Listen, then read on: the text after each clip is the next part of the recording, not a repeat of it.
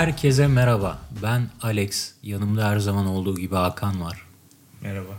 Alex, geçen haftanın bölümüyle başlayalım istersen. Ondan önce sanki daha önemli bir gündemimiz var. Doğru diyorsun. Doğru diyorsun. Bu roller coaster başlangıç çok iyi oldu. 200. bölümümüze çok yakıştı. Yani çünkü dolu dolu 200. Koskoca 200. Dört buçuk yılda diyebiliriz. Evet bu arada 4,5 yılda 200. Onu çok fazla gündeme getirmek istemiyorum. Çünkü o gündeme gelince 4,5 yılda 200 bölümden daha fazlasını yapmış olmamız gerektiğine dair eleştiriler alabiliriz. Yok artık demek istiyorum bu eleştirilere. Başka bir şey diyemem. Sonuçta 200 tane bölüm vermişiz yani öyle ya da böyle. Az mı be? Çok. Ya e, bu bölümü yaparken işte ne yapsak? 200. bölümde ne yapsak? Sonuçta işte e, bir yapı taşı her zaman ne olursa olsun. Yuvarlak sayı falan. Gerçi 200'ün biraz bir üvey evlat şeyi vardır hep. Çünkü 50 bölüm sonra bir 250 geliyor. O da bir şeydir ya 250. Çeyrek. 100, 250, 500 falan. Yani mesela 300 de bir üvey evlat. o yüzden bir, bir bir tık daha sönük. Biz de ona göre bir şeyler yaptık zaten. ha, ne yapsak diye düşünürken şeyi fark ettim ya. Hakikaten 200 bölüm çok fazlaymış. Ya biz ne yapıyoruz abi? Çok fazla dün arabayla dönerken e, dışarıda buluştuğumuz yerden arabayı çalıştırdık karşıdan. Evet. Kıta değiştirdik. Aynen. Sen o bütün yol boyunca bölüm konularını okudun. Anca Ve bitmedi. arabayı park ettiğimizde bittik bölüm konuları. Aynen. Ben de o kadar uzun süreceğini düşünmemiştim başlarken. Ve biraz benim için bir anı geçidi gibi oldu biraz. Evet evet yani gerçekten nostaljik oldu. Ee, dinleyenleri de davet ediyorum eski bölümleri okumaya. Böyle hayatımın anlarını, checkpointleri geldi aklıma. Evet doğru doğru. Bazı Show bazı must go ne- on ne yaşadığımı hatırlıyorum. evet. Özellikle şey bölümlerde o çok fark ettim ben de. Ya ikimizden birinin hayatında bir şey olmuş ona ayar olup direkt konuyu getirmişiz hani. Üç gün önce olan bir şeyi getirip anlatma modeli direkt. Evet, bazı konuları duyunca bununla ilgili ne konuşmuş demiş olabiliriz? Evet. Süslü ayakkabılar. Böyle bir bölüm yoktu sanırım ama e, bunu duymuş gibi ne konuşmuş olabiliriz? Evet, evet, acayip spesifik saçma sapan konular var. Ya Ama öyle ya da böyle 200'e getirdik. Evet ve 200'e özel bir şeyler yapmak için de kendimizi zorladık. Çok çabaladık ya. Ama biliyorsun benim e, alameti farikalarımdan biri de çokerlığım. Dolayısıyla bir kez daha stres altında boğuldum. Ve hiçbir şey gelmedi aklıma. Tam Yani- tersi bölümde ne konuşacağız? Normal konu olsa bile konuşamayacakmışım gibi bir his oluştu bende. Sonunda e, bu 200 bölüm özelliğini bir kenara bırakıp normal bir bölüm Bölüm yapma kararı aldık. Ama bir yandan da yani 100. bölümümüze bakıyorum, 150'ye bakıyorum. Ya yapılabilecekleri de yapmışız. Daha ne olsun? Evet yani o işin şakası bir yana bizim ufkumuz gerçekten biraz dar yani yapacak bir şey. Başka bir şey gelmiyor aklımıza artık. Ya da Daha- öyle çok garip şeyler geliyor. O da hiç güzel olmayacak şeyler geliyor. Ya evet bir de 200 bölüm gerçekten kısa değil Alex. Evet. Sende de şu hissiyat oluyor mu bazen? Şöyle düşünüyorum. Hayatta söyleyebileceğim her şeyi söyledim. Aşağı yukarı evet. Bu saatten sonra yeni bir şey söyleyemem. O yüzden yaşamanın bir anlamı kalmadı. Hayat ben oraya boş. götürmüyorum sadece. Şu an intihar edebilirim. Bu noktaya sürükleniyorum. evet son 3 büyük adımı ben atmıyorum. Orada duruyorum sadece. Söylemeyeceğim her şeyi söylüyorum. Yeni bir şey söyleye evet yani ona yapacak bir şey yok. Ama bir şey muhabbeti falan ol, olmuştu ya işte hani tadında bırakın, zirvede bırakın falan. Bir yandan da şeyi de fark ettim. Biz orayı da aşmışız artık. Yani artık ne yani bu andan itibaren ne zaman bırakırsak bırakalım tadında bırakmış olmayacağız. Artık o, noktaya geçtik yani. Geri dönüp baktığımda biraz uzak gözüküyor tadında bırakma noktası. Onu beceremedik ama onu beceremeyen şeylerin de ayrı bir güzelliği vardır her zaman. Mesela işte Bizimkiler dizisinin 10 sezon gitmesi falan tarzı böyle. Evet. Yani tadı arka bırakamamışlar. sokaklar. Evet bırakamadılar tadında ama o da bir güzel. Dedem hala izliyor. Ha, evet. Birkaç kişi dinlese de problem yok. Evet, Veya yine o 200 tane konuyu hatta ne 200 250 300'dür. Evet. Konuyu ardarda arda sen okuduğunda o yaşadığımız nostalji hissi o günlük tutma Gibi bir şey oldu hakikaten evet. evet, Evet. o açıdan ara ara böyle konuları tekrar tekrar okusak mı birbirimize? böyle bir sorunlu alışkanlık mı edinsin? Telefonla arayıp hiçbir şey demeden eski konuları okuyup kapatıyor. Ama evet yani hem o e, hakikaten bir de bu kadar uzun süredir gerçekten insanların da bizle beraber hareket edip her hafta ya her hafta belki dinleyen kaç kişi vardır çok azdır da işte on and off bile olsa uzun süredir takip eden 3 yıldır 4 yıldır 2 yıldır dinleyip geri dönüp hepsini baştan başlayan öyle mesajlar gelince falan ağzım açık kalıyor benim gerçekten. Evet. İşte 3 ay önce başladım tüm bölümleri dinledim falan. Ya bu ne bu ne cüret yani hakikaten. Nasıl 200 bölümü olan bir şeyi açıp sıfırdan dinleyebilirsin falan. Bunların hepsi gerçekten çok şey. Nasıl diyeyim e, gurur okşayıcı, mutlu edici falan. Bir yandan böyle de bir şey hissi de veriyor bana. Yoldaşlık hissi. Evet. Bu kadar insanla beraber 4,5 yıldır bir miktar arkadaş gibi de olduk yani. olduk. Şu olayı hatırlıyor musun bir de? Hiç varlığından haberimizin olmadığı biri en çok dinleyen kişi çıkmıştı. Evet aynen. Hiçbir yorum falan yapmamış ama mi o Evet, zaman? sen veri çekmiştin. Ne bir yorum yapmış ne Evet. işte Patreon atıyorum veya özelden bir şey yazmış.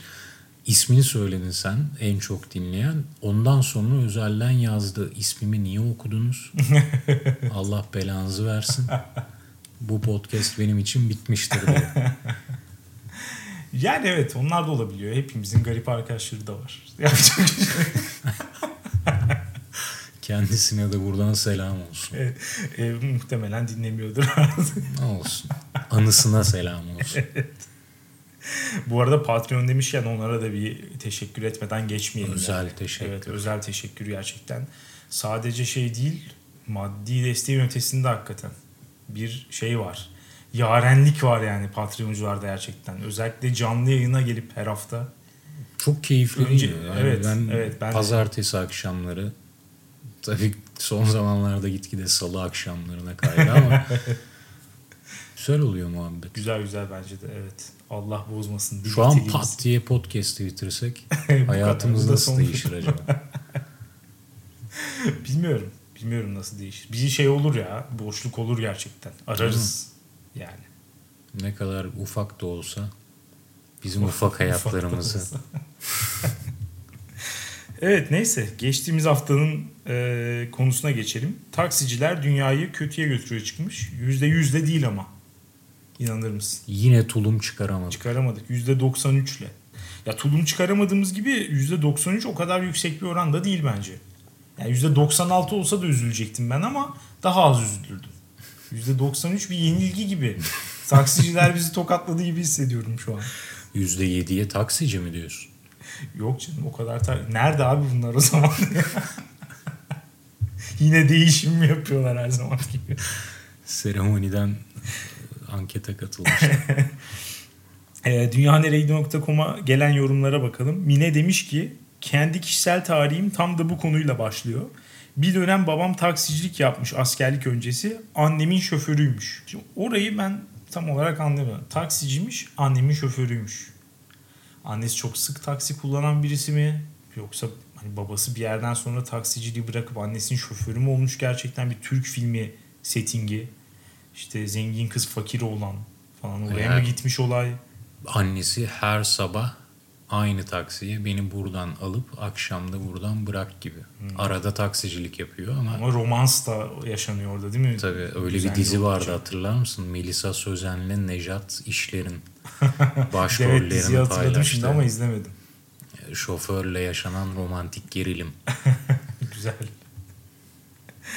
Böyle bir şey ya da son ihtimal ben şu an annenin sekreterliğini yapıyorum.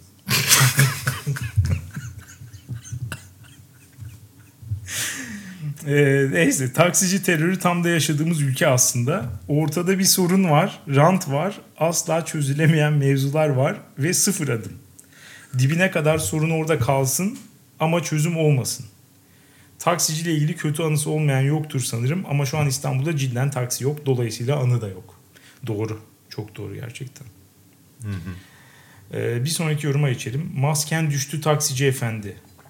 Demiş ki maskenin düşmüş olabileceği varsayımına dayanan iyimser bir nick kullanmış olsam da aslında onun hayatında hiç doğru düzgün takmadığına eminim. Bir tane arabanın bile zor geçebileceği sokakta öldürücü hızda gitmek, ana yol dolu olur diye bizi Allah'ın unuttuğu yerlerden götürmek ve tüm bunları yaparken hoparlör bile kullanmadan telefonla konuşmak nedir taksici kardeş demiş. Bunu deyince aklıma şey geldi. Sana bunu anlatmıştım diye hatırlıyorum. Hatta belki podcast'te bile anlatmışımdır da işte 200 bölüm karışıyor artık. Şeylere döndük. Sürekli böyle anne babalar yaşlanınca paso aynı hikayeleri döndürmeye başlarlar ya böyle dedeler falan. Onlara döndük. Ama bir tane taksiciyle yaptığım kazayı anlatmış mıydım sana? Ya herif beni aldı. Bak aldığı zaman eli sikindeydi. mı? tek el. Tek el kullanıyor arabayı. Bir el direksiyonda, bir el sikinde. Oynaşta. Evet. Sürekli bir şeyler yapıyor. Ondan sonra. Ee, ve mesela vites değiştiriyor. Direksiyondaki elini bırakarak değiştiriyor vitesi. O kadar ekstrem bir durum yani. Diğeri her daim meşgul. O evet, o hep o orada. bölünemez. Aynen. Ondan sonra ya zaten ayar oldum herifin böyle yapmasına. Çünkü mesela e, tam dönerken diyelim ki vites değiştiriyor. Direksiyonu bırakıyor ya. Tekrar hakim olmak için böyle bir savruluyor falan araba. Ya bıraksan abi şu elini. Yani bir de tedirgin etti yani. Sürekli sonuçta cinsel bir şeyi de var. Hani bacağında dursa neyse. Belki herifin eli sakattır falan diye düşüneceğim de. Yok öyle bir şey de yok. Sürekli hani bir şeyler yapıyor bir de. Acayip sinir bozdu. En sonunda herif yine böyle bir şey yaparken alamadı virajı laps diye orta refüje çıktı. Oha başka arabaya da değil. Yok. Dönemedi yani ve orta refüje çıktı. Tek elle takıldı. abi böyle bir şerefsizlik olabilir mi ya? Nasıl bir adamsın abi? Kazadan sonra sen bunu gündeme getirdin mi? Getirmedim abi. Ne diyeyim şimdi böyle yapan bir adama?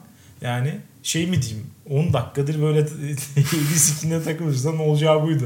Bunu diyebilirim ancak da yani herif ne diyecek onun üstüne? Bir şey yani kim bilir ne diyecek. Neyse kendi halinde demiş ki Ankara'da bu yolcu kabul etmeme olayını hiç yaşamadım. Bu gerçekten de şehir şehir taksici profilinin değiştiğinin göstergesi olabilir.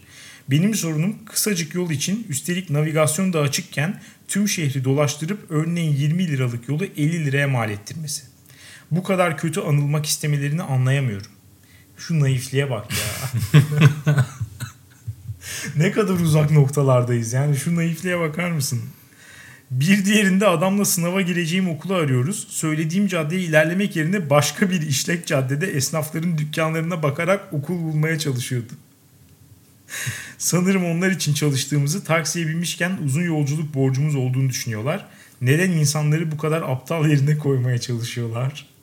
Ve zerre rahatsızlık duymuyorlar. Ciddi bir bilimsel araştırma konusu. Ee, kendi halinde gerçekten kalpler gönderiyorum. Evet. Hep böyle uçan, kal. Evet. Havada uçan kalpler gönderiyorum. Anonim bir Ata Demirer gösterisi kesidi göndermiş. Dinleyince şoka girdim. Dertler aynı. Ben taksici probleminin giderek büyüdüğünü düşünüyordum. Hmm. Öyle değilmiş. Yani o zaman da e, aynı sorunlar varmış maalesef. Sera demiş ki yaşadığım yerde çoğu yer yürüme mesafesinde olduğundan ve son çare olarak taksiyi kullanmama rağmen benim de taksicilerle olan deneyimim çoğunlukla kötüydü. Öğrencilik zamanımda taksicilerden bavullarım var diye işittiğim azar, kısacık yolu uzatarak bir ton para alanlar ve small talk'u geçtim. Maruz kaldığım ırkçı ve cinsiyetçi muhabbetler. Ya bu arada gerçekten kadın olup taksiye binmeyi düşünemiyorum. Berbat. Çok kötü yani. Korkunç bir şey ya. Ama cinsel muhabbeti yapmaktan biraz çekiniyorlardır diye düşünüyorum. Ya en ekstrem sapık olmayanlar evet. Ya %95 falan çekiniyordur ama abi bir de %5 var tacizci yani. Evet. Ona denk geldin mi de bayağı sıkıntı. Bu sefer ya çok korkarsın. Hani şeyler falan var ya işte yok arıyor işte sanki evde birisi varmış da onun yanına gidiyormuş gibi şey yapıyor. Evet. taksinin plakasını bildiriyor falan. Bu gerginlikler inanılmaz. Ee, işte bu gibi sebepler taksicilere karşı ön yargımı gün geçtikçe güçlendirdi. O sarı renk anksiyetemi depreştiren bir uyarıcı benim için artık. Bir de o kendilerine sarı öfke lakabı. Öyle mi diyorlar? Hmm, of. bu Uber çıktığı zaman bu muhabbet vardı. İşte Uber bunların şeylerini alıyormuş. Vergi ödemiyorlar falan. Güya buna takılıyormuş gibi yapıyorlardı ya bir de. Hmm. Uber vergi ödemiyor. vergi ödese hiçbir sorun yokmuş gibi falan böyle. Ya da Memleketi düşünüyor. Aynen ya da kendileri çok böyle hani fiş fatura kesilen bir meslek biliyorsun taksicilik. çok belgeli her şeyin kaydı kuydu var. O yüzden Uber'in vergi kesin ödemesi lazım. Ee, son zamanlarda ise şöyle bir şeyle karşılaştım. Taksici bana soruyor oraya nasıl gidilir diye. Yolu benim tarif etmemi istiyor. Bu durumu 3-4 kez yaşadım. Çoğu taksicinin avucunun içi kadar iyi bildiği, göt kadar olan bir şehirde yolun tarifini benden istemeleri de bana çok saçma geldi. Ki burası Eskişehir demiş. Bunun da ben bir taktik olduğunu düşünüyorum. Yani tartıyor seni. Yolu biliyor musun? Hmm, evet. Bilmiyorsan ben biliyorum diyecek ve dolaştırarak götürecek. Her Ama- zamanki gibi geçirecek. Yani Google Maps, Yandex devrinde artık Sera'nın da hemen açıp yolu Öyle tarif etmesi lazım. Evet. Ee, son olarak Kutsi demiş ki taksiciler onları zorla taksici yapmışız gibi davranıyor. Doğru. Doğru. Ya burada bir miktar şeyi de göz ardı etmemek lazım. Ya iğrenç bir iş gerçekten. Evet. Yani çok zor şartları olan bir iş. Ya hiç güzel değil. Hani hangi mesleği yapmak istemezsin deseler ilk onda taksicilik ben söylerim herhalde. Ben de geçen hafta ofise Berbatmış. çağırdılar. Bir hafta günde 3 saat git gel e, trafik çektim. bir hafta sonunda yıpranmıştım. Bu insanlar sene boyu durmadan Evet. günde sürekli Evet. araba içindeler. Çok zor bir iş. Bir de şartların falan da çok zor yani fiziksel şartlar. İşte camı aç biliyor sürekli egzoz kokusu bilmem ne sürekli işte oturarak gidiyorsun o bir sıkıntı yedikleri yemekler yemek değil genelde böyle sandviç, çiğ köfte, dürüm falan tarzı şeyler yiyorlar hani çabuk olsun diye. Ya zor. O yüzden adamların memnuniyetsizliğini anlayabiliyorum ama yani cevabı bu olmamalı. Yani bizi bitirmeyin demek istiyorum. O zaman 200. bölümümüzün konusuna da geçelim istersen. Buyurunuz. Konumuz yarım bilgi. Yarım bilgi. Evet, çağımızın büyük sıkıntılarından bir tanesi yine. Yarım bilgi. Ya şöyle girmek istiyorum. Gerçekten internet bizim düşünce şeklimizi, beynimizi. Geri dönülemez bir şekilde. Geri dönülemez bir şekilde yani. Bu bilginin her an kolayca erişilebilir olması herkesi bir şeye döndürdü yani. Herkesi bir Rönesans adamına döndürdü. Hmm. Orada böyle vardı ya işte şeyler. İşte bilim adamı, şair, marangoz ve müzisyen. Adam her şeyi yüklemişler yani. Hepsini birden yapıyor. Lütfen bu müthiş bir şey değil mi? Bir yandan çok iyi. Ama ya şöyle bir fark var. Onlar gerçekten yapıyor. Bu çağda herkes ve bir yandan aslında şu da var. Aslında internet gelene kadar tam tersine doğru bir gidiş var. Hep uzmanlaşma yönünde. İşte çalışma şekilleri çünkü değişiyor.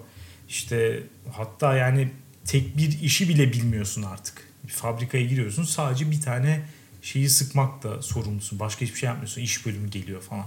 Yani uzmanlaşmaya doğru gidiyor insanlar ama internet çıkınca tekrar Rönesans adamı. Ya hakikaten bu devirde de Rönesans adamı olanlar var. Mesela Ayhan Sicimoğlu.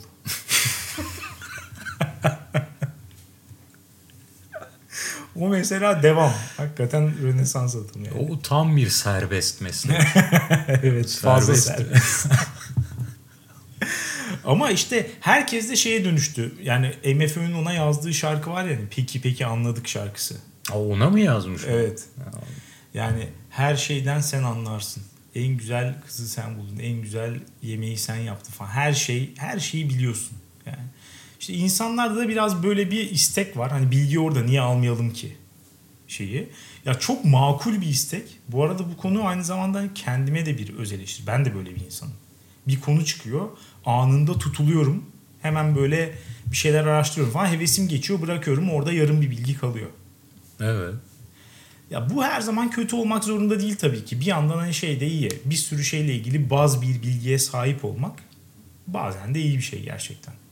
Ama çok kötü olduğu zamanı da söyleyeyim. Şimdi oraya geleceğiz. Ona çok- gelmeden önce ama dedin ya uzmanlaşmaya doğru gidiyor. Evet. İş hayatı öyle. Hatta şu anki güncel durumda da iş hayatı böyle. Evet, Daha doğru. da derinleşiyor bu uzmanlaşma. Ama artık hobi, o hobi alanında Rönesans insanlığı artık Kesinlikle. Rönesans adamı demeyelim. Ee, pardon özür diliyorum ve sana teşekkür ediyorum Hacı beni düzelttiğin için. Rica ederim. Benim için bir zevkti. Artık Rönesans insanlığı hobi alanında ben de bunu büyük bir şevkle, umutla, mutlulukla karşılıyorum. İnsanlığın her şeyden biraz bilgi sahibi olsun. Ve şu olsun esas. Bir yerde muhabbet geçiyor. Ya böyle bir şey okumuştum ben aslında. Ama nasıldı ya dur bakayım derken bir şey söylüyor.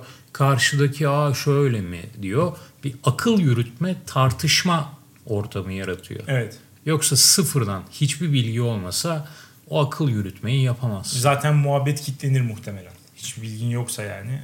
Ya orada da muhabbet edecek insan bulursun. Hani hiç bilmese de atıp tutan. Evet. o da vardır da o da keyifli bir muhabbet olmaz yani. Me- mesela ben yakın zamanda bir arkadaşla bunu bir gece yıldızlara bakarken yaşadım.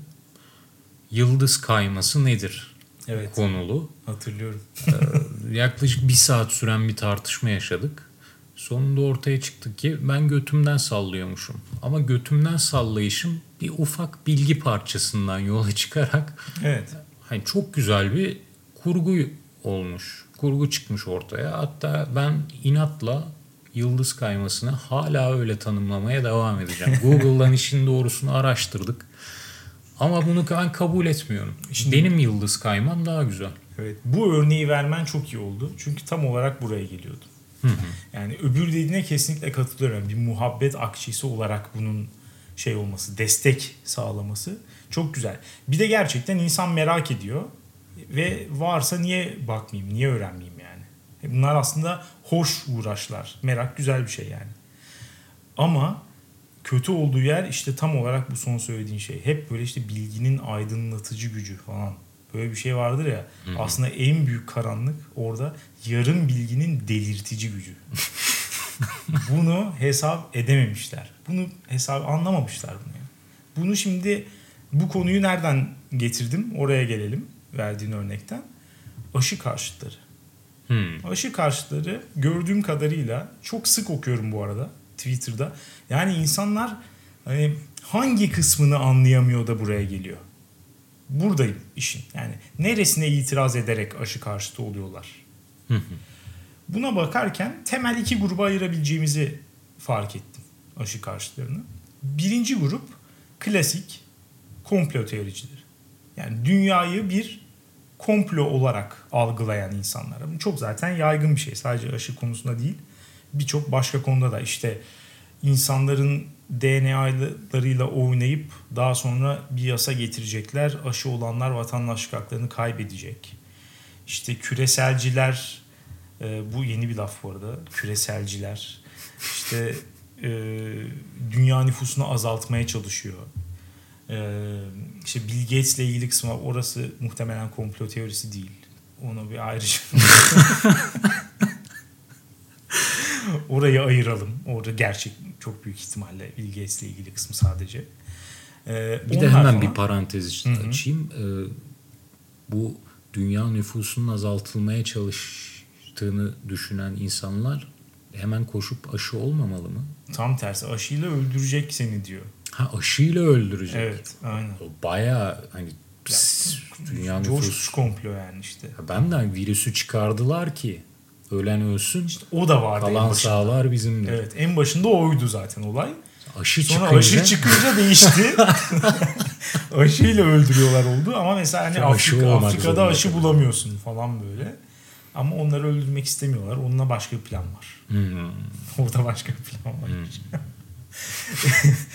ya bu grup Bu ekip herkes anladı şu an yani. Be- Belki ailesinde, belki arkadaşlarında. Yok 5G ile aşı iletişime geçiyorlar falan. Ya bu tedavi edilemez bence. Ya bazen böyle şeyler çıkıyor işte.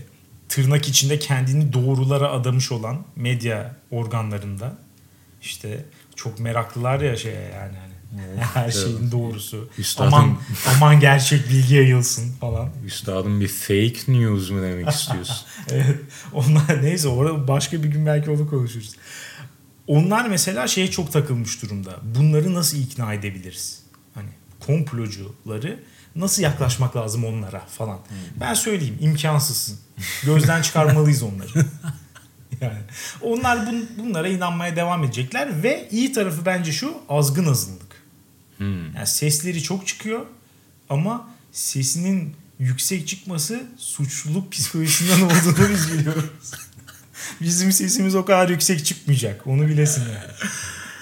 Onlar o grup. Azgın azınlık. Onları bir kenara bırakıyorum. Şimdi en tehlikeli gruba geliyorum. Bu kadar yol yaptım. 30 saattir anlattım. Sonunda bölümü kapatıp Şimdi birinci grubu anlattık. Evet. İkinci gruba Evet, geliyoruz. ikinci aşı karşıtı grup konuyla ilgili ci- ciddi ilgilenen, çok fazla araştırma yapan, bir sürü bilgi edinen ama bu bilgileri işleyecek donanıma sahip olmayan, altyapısı olmayan bir insan grubu. Dolayısıyla gördükleri bilgilerden korkuyorlar. Onları yanlış yorumluyorlar. Başka yerlere çekiyorlar. Kafaları çok karışıyor. ve çok abuk subuk sonuçlara varıyorlar. Tamam? Bu grup işte yarım bilgili grup. en büyük problem.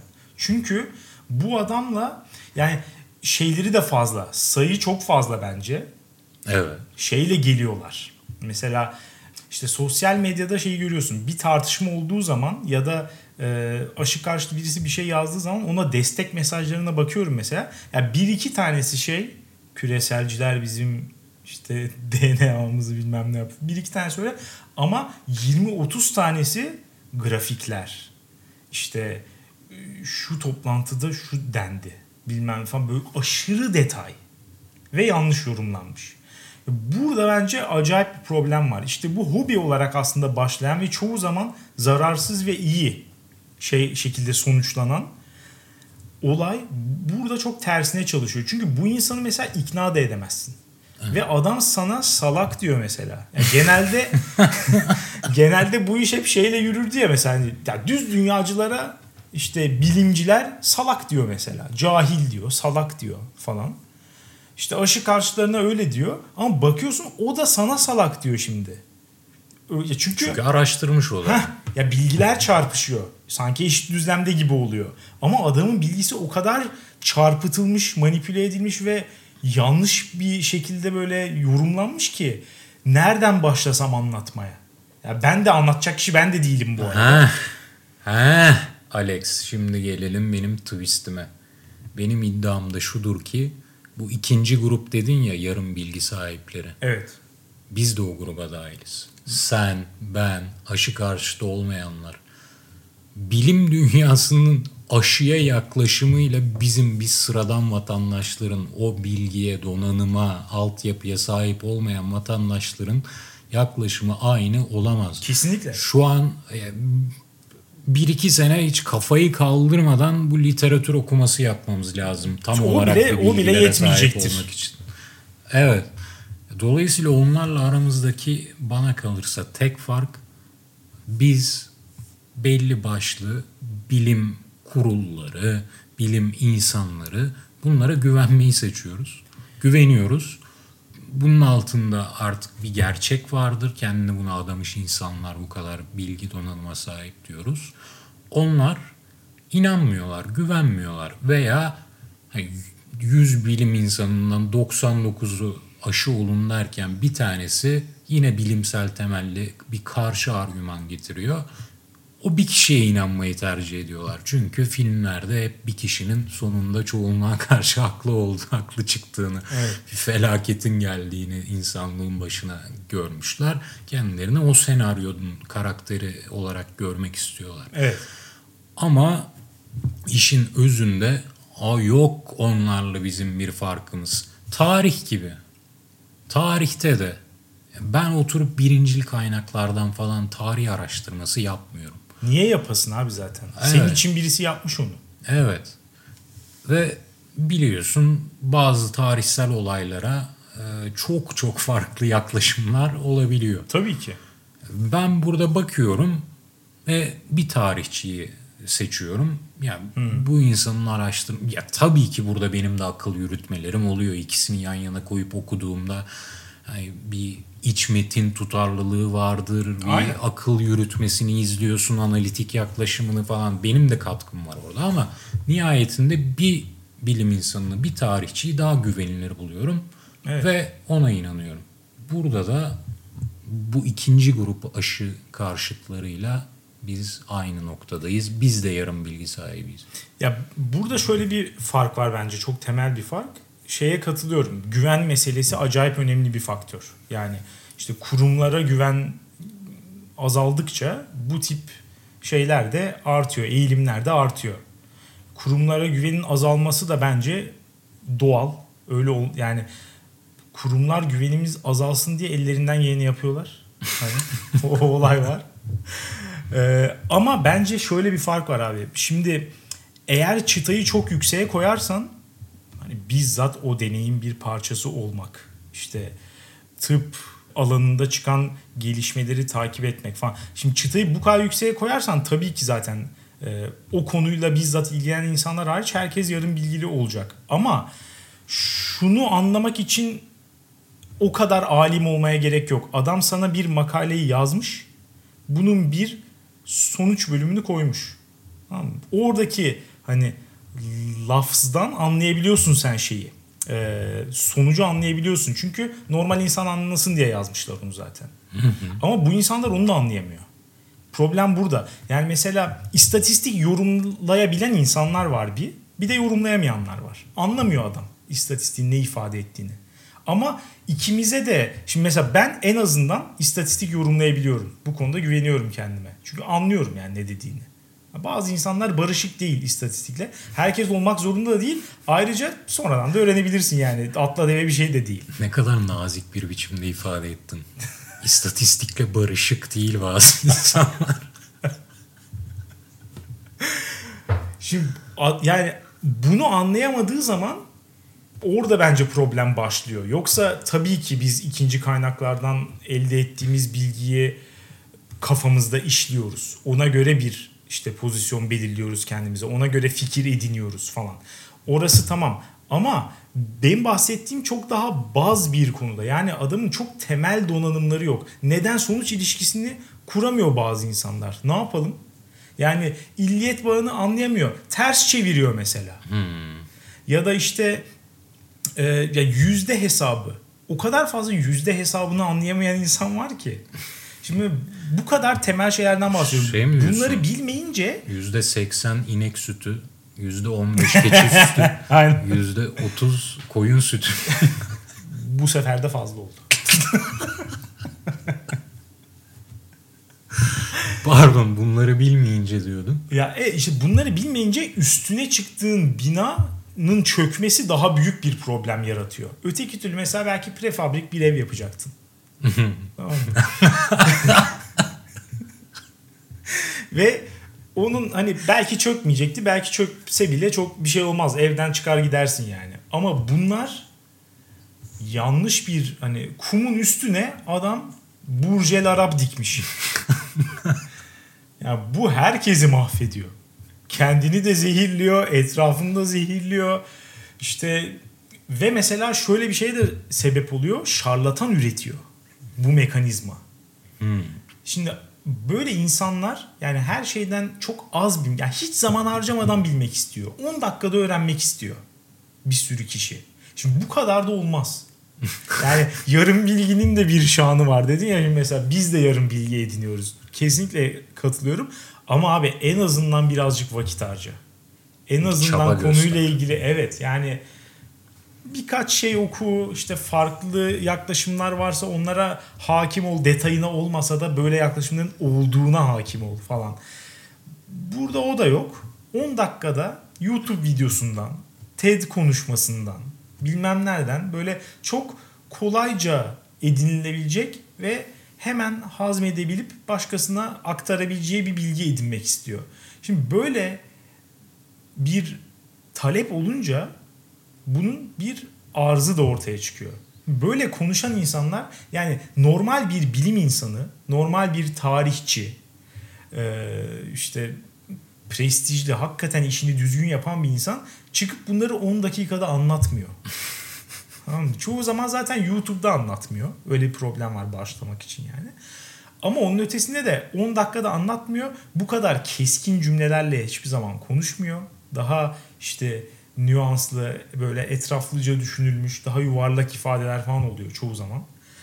Bunu istemiyor. Bunu görmek istemiyorlar. Dolayısıyla öteki tarafa yöneliyorlar. 10 dakikada bütün resmi çizen, her tarafı da köşeleri kapatan, tutarlı bir anlatı sunup satan sana. Büyük oyun. Ha, işte, evet. Yani o çok fazla e, tık alıyor. Bu sefer adam eğer baştan şarlatan değilse bile bu ilgiyi toplayabilmek için şarlatana dönüşüyor. Böyle bir sorun da var. Yani bu işte evet. şeyde de var. Yani sadece hani bilim aşı falan değil.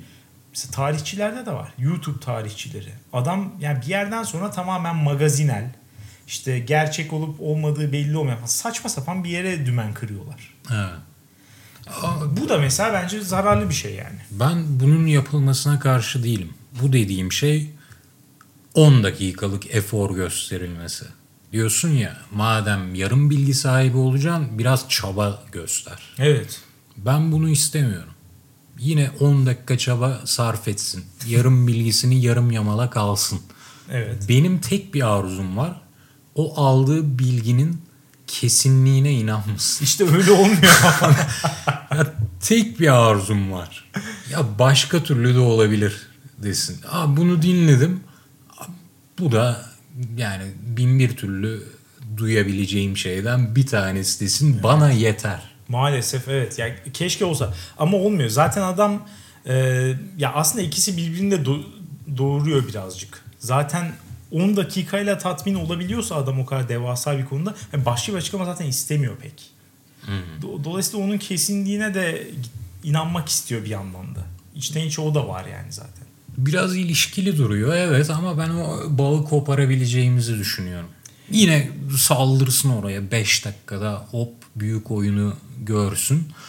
Ama ya böyle de olmayabilir kafasının bir köşesinde olsun ya. Evet ya ideal dünyada ya zaten bu arada hani ben de şikayet ediyorum ama bunu nasıl engelleyebilirsin? Bu mekanizma zaten hani şey değil.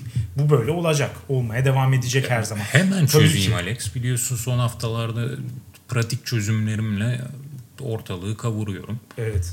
İlkokul birinci sınıftan itibaren bir ders o ders de böyle medya eleştirmenliği dersi falan değil Dersin adı Hakikat ve haftada 40 dakika sürekli 40 dakika boyunca her duyduğuna inanma tekrar edecek öğrenciler. Sesli yani, bir biçimde. Fena. Her duyduğuna inanma. Evet. İnanma, inanma, inanma. Bu belki evet. Yani, İnançsız bir nesil geliştirmemiz lazım. Yani özellikle Türkiye'de evet çok fazla şey. Ya bir öte yandan tabii şey de var. Burada e, acayip karşıtlıklar da var. Mesela aynı kişi hem e, bazen mesela köklü kurumlara inanmıyor. İşte kamu otoritesine inanmıyor. Hepsinde haklı sebepler olabilir. Var hatta yani. İşte medyaya inanmıyor. Sadece Türkiye içinde konuşmuyorum bunu. Bütün dünyada bu trend var yani şu an. Hem de hem yelpazenin politik yelpazenin sağında da çok fazla var şu an. Solunda da var. Kimse yani kurum bu şey e, liberal dünya düzenine olan güven ve inanç çöktü. Yerlerde sürünüyor şu an. İyi de oldu aslında yani. O da bir şeydi. Sahtekarlıktı. Ama şimdi mesela orada şöyle bir sıkıntı var. Bir yandan adam çok sorgulayıcı gerçekten. Bu kadar büyük şeyleri yıkmış mesela. Kamu otoritesinde dediğine hiçbir şekilde inanmıyor. Başkana inanmıyor. Gazeteye inanmıyor falan. Hiçbir şeye inanmıyor. Ama adam bir bakıyorsun adı sanı belli olmayan bir tane abuk subuk işte profil fotoğrafı. ya bu ya peki bunlara inanmıyorsun da inandığın ne? Ya bu sefer de tamamen şeye gidiyor olay. Herkes istediğine inanıyor. böyle bir böyle bir açmaza girdik yani. O yüzden Evet, o- onda ne kadar yardımcı olur bilmiyorum. Yani o da çünkü mesela duyduğuna inanmaması gerektiğinin demek ki farkında. Bayağı bir sorgulama yapmış, bir sürü şey reddetmiş. Ama ya gel gelelim WhatsApp grubunda çok kez iletildi yazan inanıyorum.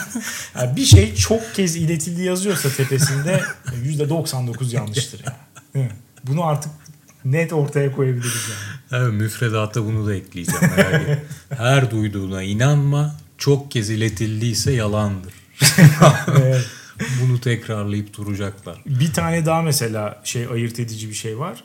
Yabancıların Türkiye veya Türklerle ilgili övgü dolu sözleri varsa %99 yalanmış. Evet bay- bayılıyorum. Bugün gördüm haberlerde. Almanya'da başbakan adayı Türkiye ile çok iyi ilişkiler geliştirmeyi düşünüyoruz yani. ne diyecekti ya? ne diyecek muhteşem. Ama bir de şu var Alex. Bu çok sorgulayan dediğin insanların tek sorunu kendi pozisyonlarını pek sorgulamamak. Evet evet ama işte o ya ondan kurtaramıyoruz maalesef. O orayı da bir işte müfredata ekleyeceğim merak etme. Üçüncü bir cümle olarak kendi pozisyonu her zaman söylüyorum. Evet. Yani şüpheciliği o noktaya taşımamız lazım.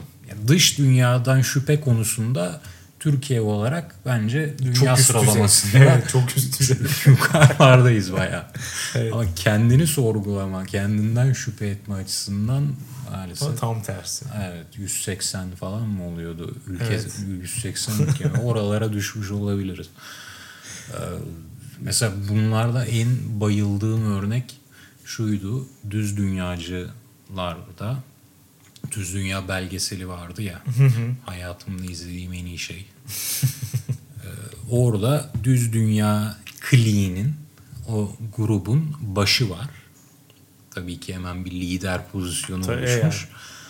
O adama artık sonlara doğru belgeselin bir kişi soruyor diyor ki "Hani neden peki düz dünyayı böyle bir kandırmacayı yapıyorlar? Yani neden çıkıp açıklamıyorlar? Tamam dünya düzdü kusura bakmayın. Yıllarca sizi yemeye çalıştık. Neden demiyorlar? Adam da diyor ki çünkü bu gerçek ortaya çıktığında kendi poz kendi güç pozisyonlarını, kendi işte merkezdeki konumlarını, güç ilişkilerini koruyamayacaklarını e, bildikleri için falan. Adam lideri. Evet, güzel bir itiraf yani. Evet. Ya muhteşem yani. Ben bu kadar bir kendine bakmama durumu çok uçta. Ya çok u- karikatürize artık. Maalesef öyle bir durum var ama ben yine de yarım bilgiden yanayım. Ha şuna ne diyorsun? Yarım bilgi çağındayız. Yarım bilgi sahiplerine dörtte üç bilgi sahiplerinin üstten bakışı veya tam bilgi sahiplerinin üstten bakışı. Hani Evet böyle bir durum da var. diletant mıydı öyle bir ifade vardı. Herhalde Fransızcadan geliyor. Yani her konuda bilgi sahibi gibi ama hiçbir konuda da tam bilgi sahibi değil. Yani tabii o kelimeye negatif e, anlam katan sanırım orada bir de caka satılması. Yani ben biliyorum bunu Evet. da biliyorum. Ya ama onu da çıkardım. Yani bir insan her şeyden az bilgi sahibiyken çıkıp hani tam bilgi sahibi tarafından hor görülmek de bence yanlış. Kimsenin hani Rahatsız bir alanda uzman olma, bir alanda tam bilgi sahibi olma gibi bir sorumluluğu bu devirde yok. Ya Yani hiçbir devirde zaten yoktu nasıl belki ama olacaksın? bu devirde ya aşırı zor. Ya bence oradaki temel problem şuradan kaynaklanıyor. Eskiden insanların bunu beyan etme mecrası yoktu. Yani her zaman insanlar birçok konuda az bilgili, yarım bilgiliydi. Fakat pozisyonlarını kendilerine saklıyorlardı yani. Çünkü en fazla gidip arkadaşına anlatabiliyordun. Kendi çevrene. E kendi çevrendeki insanlar da aşağı yukarı seninle aynı bilgi ve ilgi düzeyinde olduğu için çok sırıtmıyordu. Kimse çok rahatsız etmiyordu birbirini. Şimdi öyle değil yani. Adam uzman olarak bir yere geldiğini düşünüyor. Mesela zaten en ayar olduğum şeylerden bir tanesi oluyor. Adam Twitter'a mesela uzman kimliğiyle gelmiş. ha, ondan bir sıyrılamıyor. Yani orada insanlarla da o şekilde e, etkileşim kuruyor. O, o da bir garip zaten baştan. Ama sonra da e, şeyi bekliyor. E, hak ettiği saygıyı bekliyor. Yani, ama orada herkes eşit bir yandan. Bir anlamda yani kendi fikrini beyan etme konusunda, kendi beğenini mesela öne sürme konusunda herkes eşit. Ve belki hatta bazen adam senden daha fazla destek alıyor. Hı hı. Öyle olduğu zaman kuduruyorlar. Ve bu saldırının altında biraz bu yatıyor. Yani o zaman seçkinci bir taraftan yaklaşıp şey diyor. E, hani bilmeyen de her şeyi konuşmasın. Evet. Buna ben de ayar oluyorum. Herkes istediğini konuşsun tabii ki. Özellikle konu beğeniyle ilgiliyse zaten tam bir deli saçması. Ya adam mesela işte şey diyor. E, ya biri çıkmış bir tane filmi beğendiğini söylüyor. Bir müziği beğendiğini söylüyor. Ya bu konuda zaten elitizmi hiçbir zaman anlayamadım. Saçma bir şey. Hani ne oldu sen ondan 10 kat daha fazla film izledin diye senin beğenin nasıl daha üstün oluyor yani. O konuyu Veya bu konuyu aşamadık. Ya Onun sen, sen bu, bunu, sen kimsin ki bunu beğeneceğim? evet Veya o sen da olabilir. anlamamışsındır. Beğendiğini sanıyorsun. Evet yani Ee, onlar çok ya tabii şu tipleme de geliyor aklıma şu karikatür. Instagram'da e, bambaşka bir hayatta yaşıyor. Leyla, Leyla ne ya? Reyna, Layla. Bilimum yani bu tarz bir tip Fenerbahçe'de Nargile'de. Bir yandan da Nazım Hikmet şiiri paylaşıyor. İşte Nazım kalpli emoji falan ne bileyim bir şey yapınca ya tamam bu, bu tip biraz dalga geçmeyi şey yapıyor. ya evet çağırıyor. Evet. Çağırıyor yani. Gel benle dalga geç diyor ama ya dalga geç en fazla veya geçme bile ya. Ya Onu da bilemeyeceğim. Bence ya dalga, seviyor dalga olabilir yani. geçilmesi lazım bence de. Yani eğer da- Geç geç. bununla dalga geçer miyim bilmiyorum da çok fazla dalga geçilesi insan var. Onlarla da dalga geçerim. Ama iki Evet. tane kritik şey var bence. Biri hani bunu çok üstten bir şeyle yapmak zorunda değilsin ille de. Hani bir şeyin böyle uzmanı olarak yapmak zorunda değilsin. İkincisi de adamın e, şeyini elinden al, almamak lazım. Yani hani bunu beyan etmesine, ortaya koymasına karşı olmamak lazım. Bence en büyük sıkıntı burada. Yani herkes de her şeyi konuşmasın. Bilen konuşsun. Uzmanı gelsin. Ya bu bence şey. Ya hayır abi herkes fikrini belirtsin gerçekten. Ben hayatımı verdim bu konuya. Ha nasıl benden başkası gelip benimle aynı mecrada işte ben öyle yazıyorum adam bana cevap yazıyor falan. E tabi şeyler de var. İşte papaya git İncil oku falan. Böyle capsler falan da oluyor ya da işte araştırmanızı öneririm falan diye bir şey yazmış diyelim ki. Yani böyle tıpta şey bir bakıyorsun yazdığı kadın moleküler biyolog falan. Harvard'da bilmem ne falan. Yani şimdi bunlar tabii ki komik oluyor. Kimse o da ona had bildirmeye çalışırsa zaten ekstra saçma. Ama yani işte bilmiyorum bunlar içinden çıkılamaz. Ya aynen durumlar ya. diyelim. Ya aynen. Ya çünkü benim de aklıma şey geliyor işte o ya bir yandan o dediğim hayatı çelişkilerle dolu zevk, beğeni, bağlı hissettiği kültür açısından hayatı çelişkilerle dolu insanlar var. Ama şimdi buna o kadar sert yaklaşan o üstenciler de yani buna o çelişkilere kızıyorsan bu sefer sen de sanki o beğenileri, o kültürleri sanki bir kıyafet gibi görüyorsun gibi oluyor. Evet. Hayır, sen benim sevdiğim kıyafeti nasıl onunla kombinlersin falan gibi çıkar onu falan. İşin içinden çıkılmaz dediğin gibi. Harala gürele gideceğiz. Dalga geçe geçe. Evet. Kıza kıza bazen istatistikle barışarak. Ya evet ya en en büyük sıkıntı herhalde bu kadar böyle toplumsal meselelere her zaman da olmuyor bunlar tabii. Şu an bir histeri dönemindeyiz. Hep beraber bir entelektüel özgüvenimizi aşağı çekersek sanki daha mutlu bir hayata doğru, Kesinlikle. doğru yelken açabiliriz. Evet, evet. Böylece 200. bölümümüzün de sonuna gelmiş oluyor. Seni tebrik etmek istiyorum. Teşekkür ediyorum Alex. Niçin? İşte 200 bölüm yaptığımız için Ben de seni tebrik ediyorum. teşekkürler. Ee, bizi dinlediğiniz için tekrar teşekkür ederiz sizlere. Haftaya salı görüşürüz. Güle güle.